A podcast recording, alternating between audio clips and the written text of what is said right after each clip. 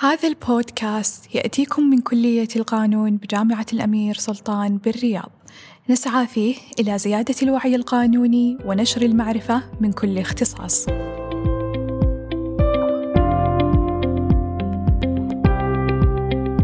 أهلا. أنا محمد الحقباني من بودكاست اختصاص. حديثنا اليوم مع الدكتور عبد العزيز بن أحمد التويجري عميد كلية القانون في جامعة الأمير سلطان. نتعرف اليوم على مسيرة الدكتور العلمية والمهنية ورؤيته الجديدة للكلية. وأيضا سنتحدث عن عالم البودكاست بشكل عام ورأي الدكتور فيه. أهلا وسهلا دكتور عبد العزيز. أهلا فيك. الله يحييك. آه، دكتور عبد العزيز آه، لعلنا نبدأ بالسيرة الذاتية لك التعليم الخبرات السابقة والاهتمامات بشكل عام. الله يرضى عليك. آه، اسمي عبد العزيز بن أحمد التويجري بدأت آه، سيرتي التعليمية آه، تخرجت من جامعة الملك سعود بتخصص الحقوق وكنت ولله الحمد من المميزين. آه، أذكر إن آه، ما كنت أعرف وقتها آه، مسألة الترتيب على الدفعة. فخبروني لما بدأت دراستي في أمريكا إني كنت تخرجت الثاني على الدفعة فكان الموضوع بالنسبة لي ممتع حقيقة. بعدها مباشرة بعد تخرجي بدرجة البكالوريوس انطلقت لأمريكا مباشرة لدراسة الماجستير. فدرست تسعة أشهر تقريبا لمرحلة اللغة. بعدها بدأت دراسة الماجستير في آه، التشريعات والأوراق المالية. وبعدها مباشرة أيضا أكملت دراستي في برنامج الدكتوراه. آه، أول ما انتهيت رجعت وباشرت في جامعة الملك سعود على اعتبار أنها هي كانت الجهة المبتعثة لي أثناء دراستي الماجستير والدكتوراه. آه، عملت في جامعة الملك سعود لمدة ثلاث سنوات ووقتها تقلدت عدد من المناصب. كنت أدرس يعني مقررات اللي تميل إلى جانب التجاري سواء مقررات الشركات ال- ال- العقود التجارية وعمليات البنوك آه، قانون تجاري on يعني في هذا الجانب من المقررات. وبعدها تقلدت عدد من المناصب زي ما قلت لك. آه، كنت مدير مركز التدريب والإستشارات القانونية في جامعة الملك سعود. والحمد لله المركز حقق آه، نجاح باهر ولاقى استحسان الكثير من الجهات الحكومية اللي أخذنا مشاريعها وأنجزنا عدد من الدراسات. ما هو بسيط عاد على الله يكتب له آه، نصيب في أنه ينعكس على واقع التشريعي في المملكة العربية السعودية لأن بعض الدراسات كان لها بعد تشريعي. وأيضا آه، آه، تقلدت منصب وما زلت عضو مجلس إدارة في معهد الملك عبد الله للبحوث والدراسات الاستشارية وهو من آه، أكبر المعاهد الموجودة ومنتشرة يعني على مستوى المملكة ويقارن بأفضل مكاتب الاستشارات على مستوى المملكة العربية السعودية مثل McKinsey PwC and those وفي نفس الفترة كنت يعني مستشار لعدد من الجهات الحكومية يعني مستشار في وزارة التعليم لمدة سنتين مستشار لل آه، هيئة المراجعين السعودية سابقا آه، هيئة المحاسبين القانونيين وغيرها الكثير. فهذا باختصار وبإيجاز بسيط المسيرة ال- ال- العلمية والعملية. ما شاء الله تبارك الله. آه، دكتور عبد العزيز كلية القانون في جامعة الأمير سلطان احتلت لنفسها مكانة مميزة بين كليات الحقوق في المملكة. حدثنا عن رؤية الكلية وأهدافها المستقبلية. طبعا هذا السؤال حقيقة من أهم الأسئلة التي يجب على كل طلاب وطالبات القانون وأيضا آه، الأساتذة في كلية القانون أنهم يفهمونها ويستوعبونها جيدا. ليش؟ لأن ترى كل عملنا ب- بلغة ال- ال- الواقع والمنطق يجب أن تنطلق على رؤية وأهداف إحنا كلنا نسعى لتحقيقها. فإحنا في في ال- القانون في جامعة الأمير سلطان تأكد أن لدينا رؤية وأهداف نسعى جميعنا إلى تحقيقها.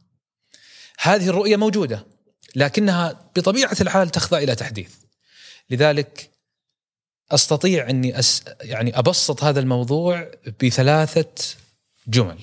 واحد الكلية ستسعى بكل ما تستطيع لتحقيق التميز المعارفي والمهاري لطلاب وطالبات الكلية وأنا دائما أقول هذا الكلام. في إحدى الدراسات التي أجرت في Harvard Law Review كان السؤال ما هو مستقبل كليات القانون على مستوى العالم؟ طبعا أنتم تعرفون في تحدي تواجه كليات القانون على مستوى العالم. هل من الممكن أن الذكاء الصناعي آه، يزيح مستقبل القانون في المستقبل؟ بمعنى أن خلاص عندي أداة ذكاء صناعي اودع فيها المعلومات ال data بكل أنواعها وأسألها أسئلة وت- وتقدم لي الجواب؟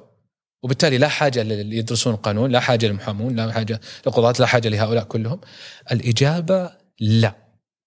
نعم الذكاء الصناعي سيخفف لكن لن يكون من الممكن استبدال بني آدم في عملية القانون ابدا. وأنتم تعرفون القانون الحاجة له لا تأتي في في المنطقة السوداء والمنطقة البيضاء. يعني إذا كان عندك مشكلة والإجابة معروف إنها بيضاء والاجابه معروف إنها سوداء ما حد لجأ إلى محامي وما حد لجأ إلى أخصائي استشاري قانوني صحيح يلجأ إلى هؤلاء متى؟ إذا كانت الإجابة رمادية هي ليست أبيض ليست أسود. لهذا السبب ولهذا السبب فقط آه، يعتقد والله أعلم أن القانون سيبقى في ظل وجود تحديات لبعض التخصصات الأخرى اللي ما نبي نقولها حتى ما يزعلون عنها أهلها، لكن رؤية الكلية حسب ما جاء في هارفرد لا ريفيو تقول لك أن كليات القانون التي ستكون منافسة بشكل كبير جدا في المستقبل هي تلك الكليات التي يتخرج منها الطلاب وهم جاهزين للالتحاق بسوق العمل مباشرة. أنت تعرف اليوم سوق العمل إذا أراد انه يوظف خريجين أي تخصص ففي العادة يأخذهم أول سنة تدريب صحيح يدربهم.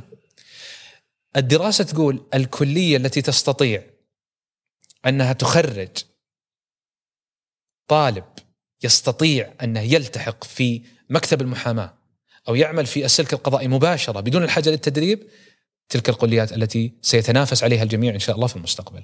فنعم من آه، أهداف الكلية أننا نعزز التميز الأكاديمي آه، بشقيه المعارف والمهاري لدى الطلاب ولدينا الكثير من المبادرات التي تعنى في هذا الجانب تشمل كل التفصيلات يعني من ضمن المبادرات اللي ممكن اني افصح عنها من الفصل الدراسي القادم لن يبدأ الطالب دراسته إلا وعنده زي الدليل اللي يشرح له ما له وما عليه في الكلية، فبالتالي يعرف لو على سبيل المثال آه، لديه تظلم في درجة معينة في الاختبار، ما هو الآلية للتظلم؟ حق نظامي أصيل.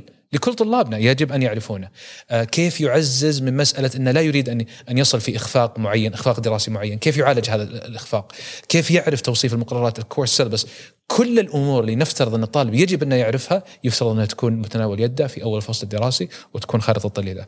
هذا من الهدف الأول، الهدف الثاني سنسعى بكل ما نستطيع لتعزيز مسألة البحث العلمي وتنمية هذه المهارة في آه، الطلاب وأيضا مساهمة أكبر من هيئة التدريس في تقديم بحوث علمية تنشر في أرقى المجلات العلمية سواء ISI Scopus أو حتى غيرها من المجلات آه، من ال ال ال يعني ال ال المجلات العلمية حتى لو ما كانت في ال ISI أو Scopus لكنها مرموقة ومعترف فيها عالميا.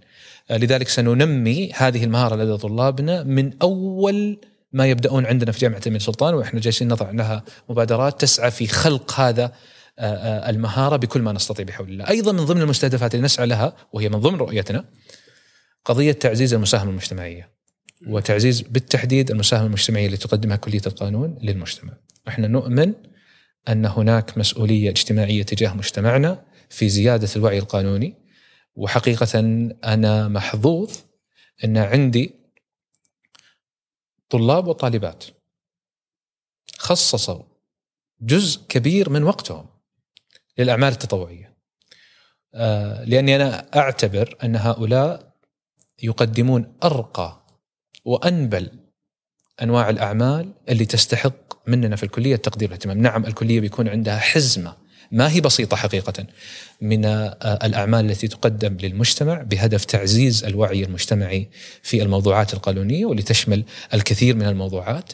بيكون عندنا آه، آه، ندوات ويبنارز ورش عمل آه، دورات تدريبية آه، أيضا مبادرات لل networking آه، على مستوى أني أربط طلابي وطالباتي بسوق العمل من خلال إني أجلب مكاتب المحاماة، أجلب الجهات التوظيف سواء كانت في القطاع الحكومي أو في القطاع الخاص وأمنح منسوبي آه، كلية القانون آه، من طلاب وأساتذة أيضا أنهم يفعلون ال networking ويتعرفون على هؤلاء.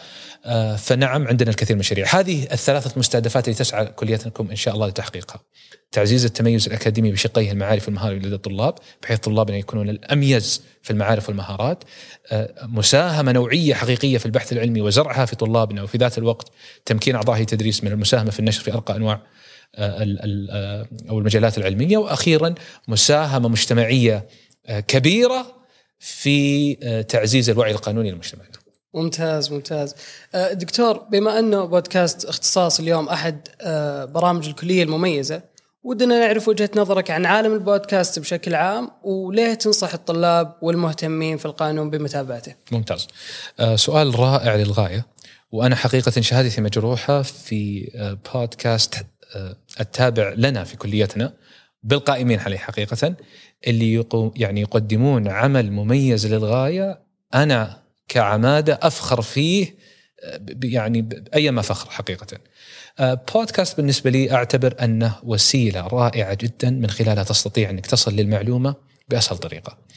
آه، فأنت تستطيع أنك تستمع له في أي مكان. الديتا حقه حجمها ضعيف للغاية. آه، آه، الاستماع له مختلف. يعني اليوم أنت أسئلتك هي حقيقة أسئلة مهمة لكل طالب وطالبات قانون يعرفونها. لذلك البودكاست بحد ذاته بالنسبة لي هو نظرة مختلفة على النظرة الشائعة. يا أخي أنا ما أبي أسمع مقابلة آه، مملة فيها شرح لا يقدم ولا يؤخر وفوق على هذا يوتيوب تستهلك ديتا عالية. أنا ما أرغب. لا يعني لا أرغب ذلك. أنا اللي أرغبه أنك تعطيني المختصر المفيد. بصوت واضح بحيث إني أستطيع إني أخذ كل أو الافضل ما لدى الشخص في أقصر وقت ممكن، أليست هذه الكفاءة إلا هذه الكفاءة. لذلك باختصار البودكاست أنا أنصح فيه بشدة لاعتبارات كثيرة، اولا إنه يختصر لك المعلومات، ثانيا يعني يقدم لك المعلومات في قالب بسيط يسهل استيعابه. الأهم من هذا كله أن القائمين على بودكاست سواء عندنا وأنا شهادتي فيهم مجروحة حقيقه ولا غيرنا يجب أن يكون البودكاست يركز على الجوانب التي يشعر الذي يريد أن يستمع البودكاست أنه يريد أن يسمعها. فبالتالي أي بودكاست هو يعني منتج معلب the same thing شيء تعيده هذا لن يستمع له الناس. البودكاست الذي سينجح في وجهة نظري هو ذلك البودكاست الذي يختصر المعلومة ويقدمها بشكل مختصر وفي ذات الوقت آه، معلومة أنا أريد أني أعرفها فبالتالي هي معلومة مطلوبة في السوق.